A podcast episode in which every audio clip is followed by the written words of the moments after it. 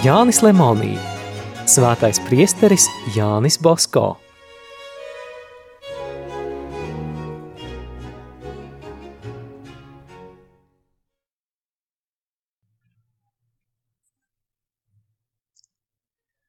Otrās daļas 11. nodaļa – Salezijāņu kongregācija no 1857. līdz 1858. gadam. Nepagāja ne mēnesis pēc mātes nāves, kad priestere Bosko brālis Jāzeps saslima ar plaušu karsoni, bet drīz izveseļojās. Svētā jaunava savam kalpam pieļāva citu likstu – Brālis Jāzeps nomira Bekos 1862. gada 22. decembrī. Jānis Bosko aizbrauca uz dzimteni, kad slimnieks jau mira. Uz brīdi atguvis samaņu, viņš brālim priesterim jautāja, ko tas labu viņam atvedis no Turīnas. Debesu valstību, viņu skūpstīdams Jānis Bosko atteica.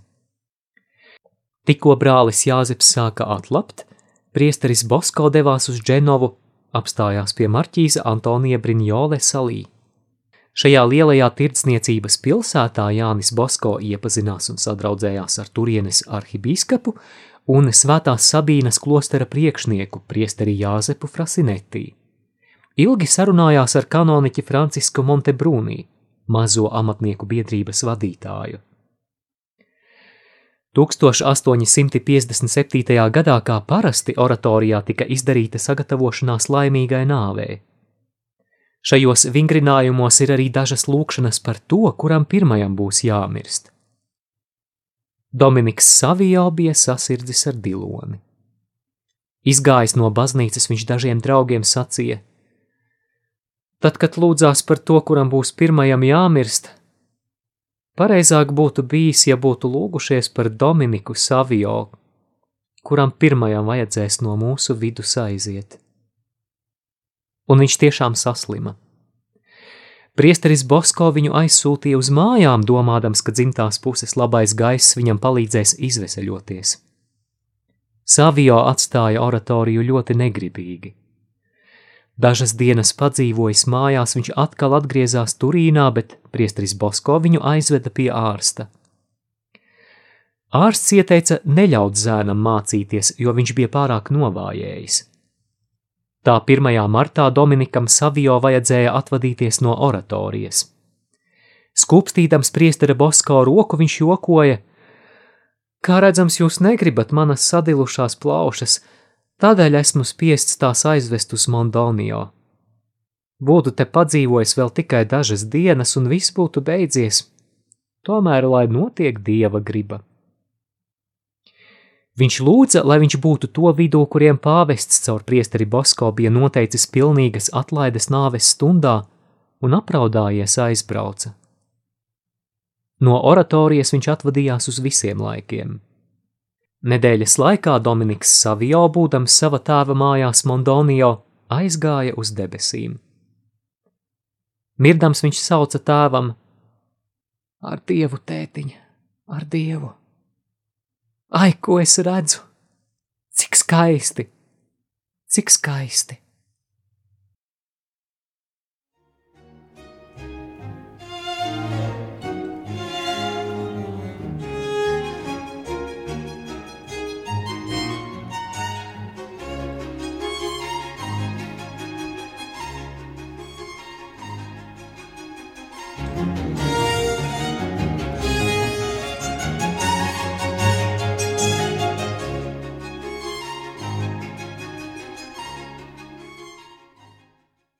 1857. gada 9. marta vakarā virs zemes palika par vienu eņģelīti mazāk, bet debesīs par vienu vairāk. Šos vārdus sacīja priesteris Bosko, kad dzirdēja sāpīgo jaunumu. Tāpat kā priesteris Bosko, pārliecināti bija arī visi oratorijas audzēkņi, kas raudāja un skuma pēc labā svētā drauga. Jānis Bosko uzrakstīja Dominika Savio biogrāfiju. Viņš atcerējās dažus brīnišķīgus notikumus no Savio dzīves, ko aprakstīja skaisti un jūsmīgi. 1914. gada 11. februārī Svētā procesija kongregācija ievadīja savio beatifikācijas procesu. Atnākot pavasarim priesterim Bosko, atkal nepietika līdzekļu oratorijas uzturēšanai. Labiem cilvēkiem palīdzot Jānis Bosko atkal sarīkoja loteriju, ko norganizēja Karlo Kais un Jakīno Bianco di Barbanie. Dāvanas gan turīnieši, gan citurienieši saziedoja tik daudz, ka to izvietošanai bija nepieciešamas sešas telpas. Urbāns Ratačī šoreiz ziedoja skaistu mākslas darbu un bez tam nopirka 400 loterijas biļešu. Nopircis viņš atkal tās atsūtīja priesterim Basko kā ziedojumu un pierādījumu, ka iekšlietu ministrs uzmanīgi vēro, kā sekmējas darbs oratorijās un novēl viņam vislabākos panākumus. Kara ministrs Alfonso Lamormoras sekoja Ratačī piemēram. Izglītības ministrs Giovanni Lanza paskaidroja, ka viņš skatoties ar prieku šo loteriju, kas esot evaņģēlijā ieteiktais žēlsirdības darbs. Darbs, kas paaugstina zemi un tās iedzīvotājus. Karalis Viktors Emanuēls nopirka tūkstošu biļešu. Pat Krievijas ķeizariene, kas tajās dienās brauca garām Turīnai, ziedoja oratorijai 300 liru. Loterijas biļešu izloze notika 6. jūlijā pilsētas valdes pilī, piedaloties pašam burmistram. No pārdotajām biļetēm priesterim Bosko bija tādi ienākumi, ka varēja uzturēt visas skolas un uzsākt jaunus darbus. Tūliņ pēc loterijas viņš atvēra pamatskolu katoļu bērniem Svētā Aloīza oratorijā. Šim mērķim viņš nopirka gabalu zemes un uzcēla nelielu namu. Trūka tikai skolotāju. Priesteris Bosko sameklēja divus skolotājus Turīnā, labus, apzinīgus un dedzīgus cilvēkus. Katoļi sūtīja savus bērnus šajā skolā pat no tālienes. Pēc kāda laika ieradās arī daži protestantu bērni. Sevišķi šī skola saistīja tos bērnus, kas agrāk bija mācījušies valdiešu skolās. Skolas vajadzības Jānim Bosko palīdzēja kārtot priesteris Leonardo Morjaldo. 1857. gadā priesteris Bosko uzsāka vēl kādu darbu – Tas pavisam skaidri rāda, ka Jānis Basko godināja un mīlēja pāvestus. Tajā gadā, kaut cik atbrīvojies no materiālajām rūpēm, viņš sagatavoja iespiešanai pāvestu biogrāfijas, pirmās piecas brošūras.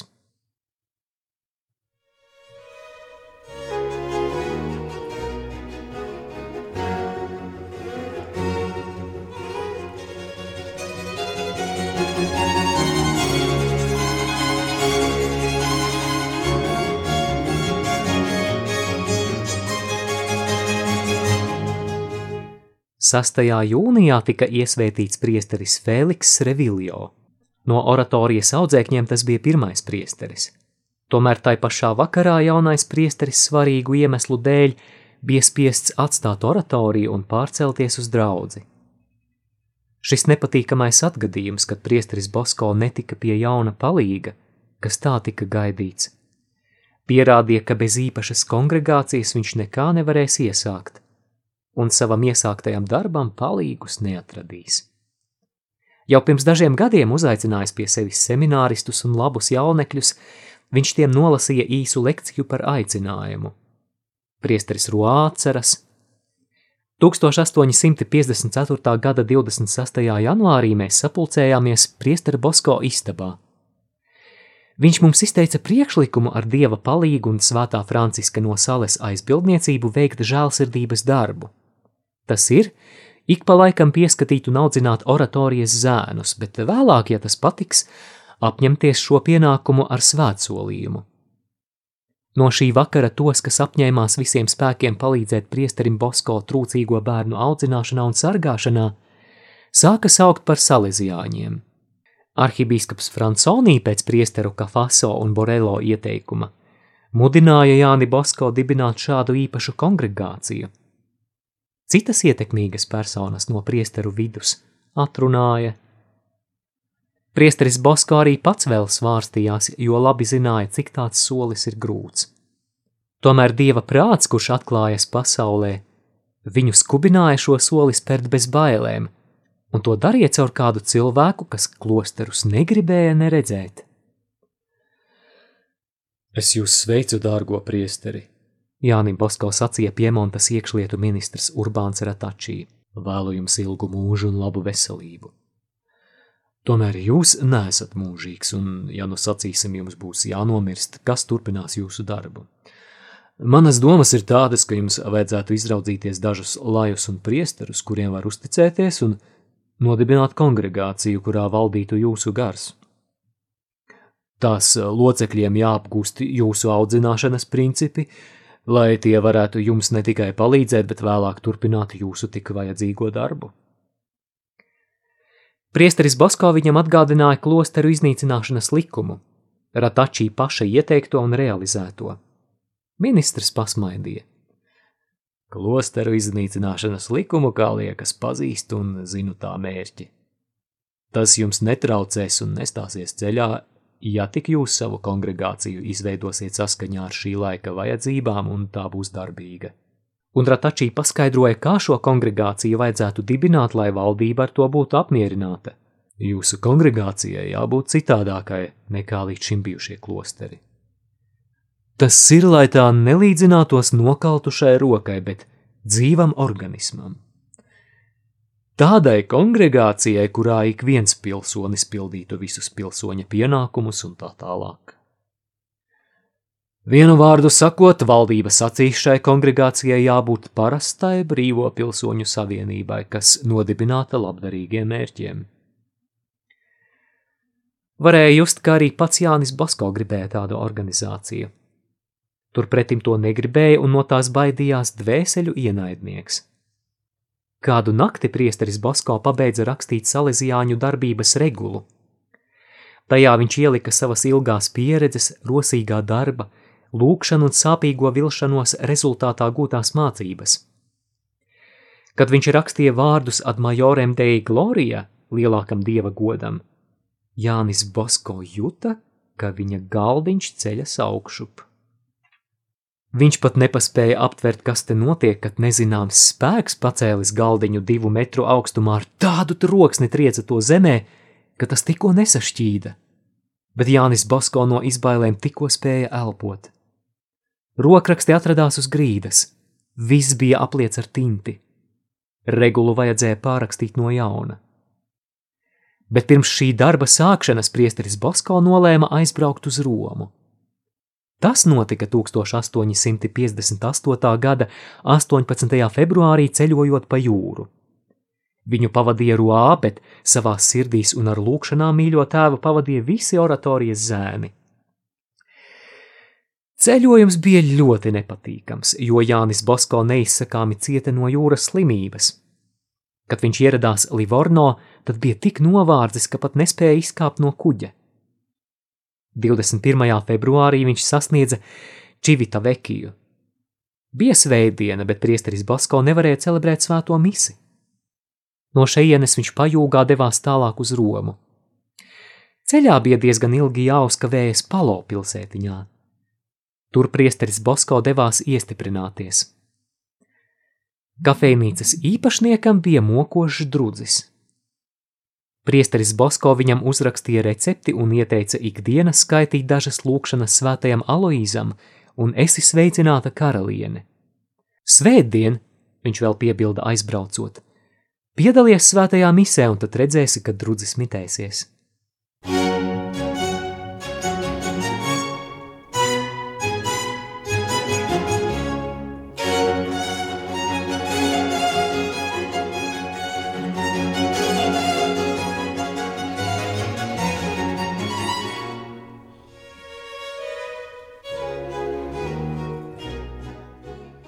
Romā Jānis Bosko ieradās tajā pašā vakarā pulksten desmitos, bet pirms pusnakts jau atradās grāfu Demais Trēpilī.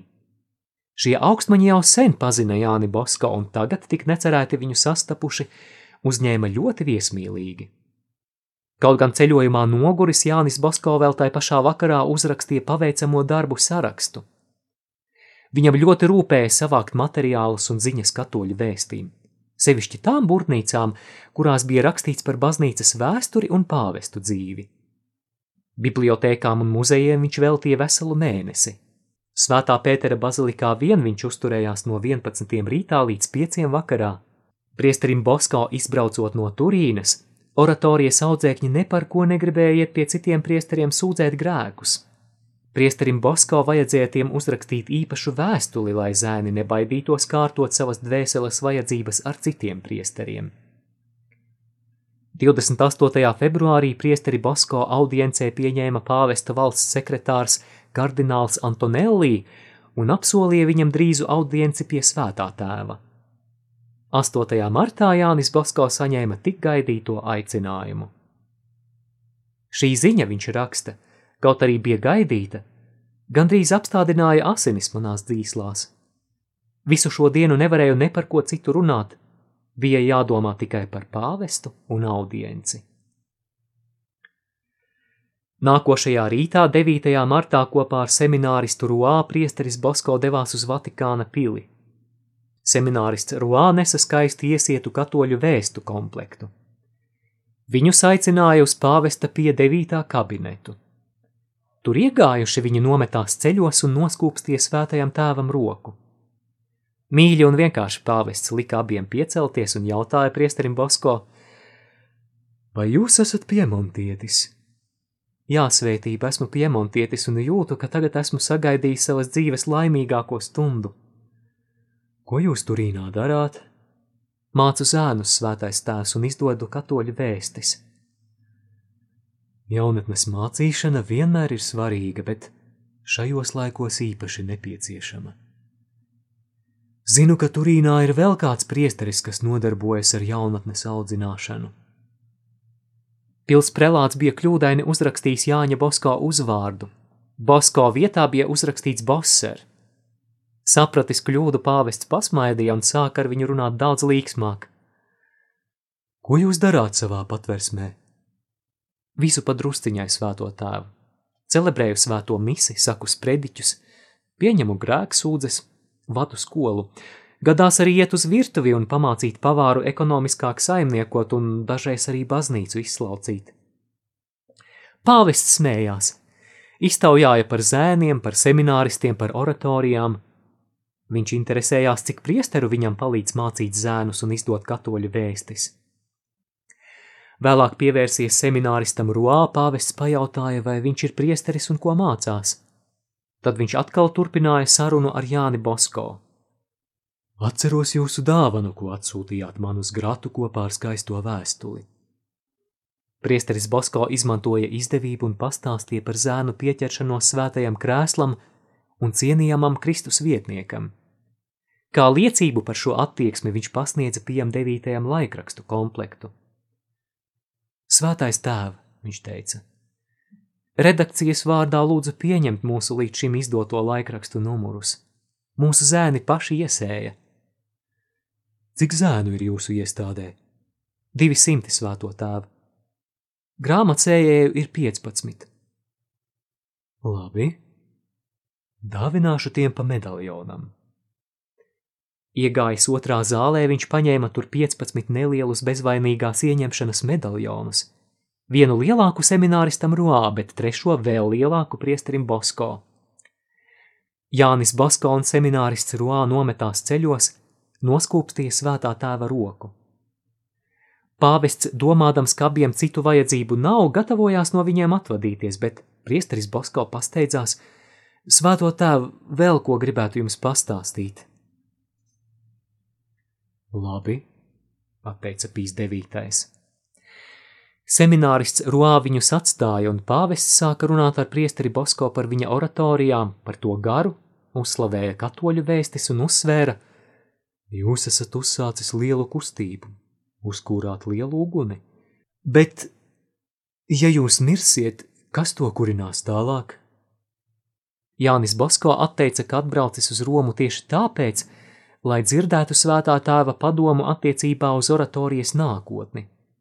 To sacīdams viņš izņēma no kabatas arhibīskapa Fransonija vēstuli un piemetināja. Lūdzu jūs sagatavot man pamatnoteikumus tādai kongregācijai, kuru būtu iespējams savienot ar šī laikmeta garu.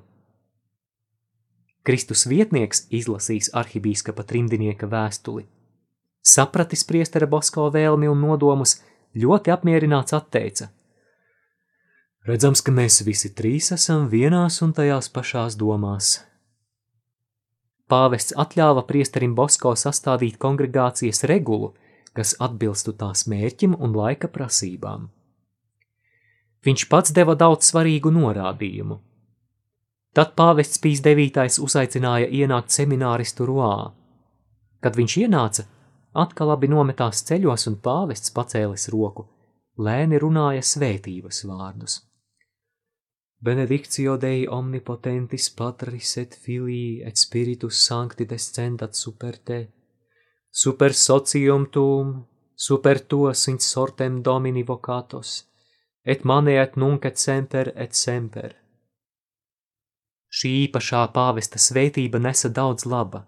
No šī laika priesteri Bosko darbi plauka un zēla kā krāšņi koki jūnijā saulē sildot. Un priesteris Roā ne jau veltīgi tika īpaši pieminēts.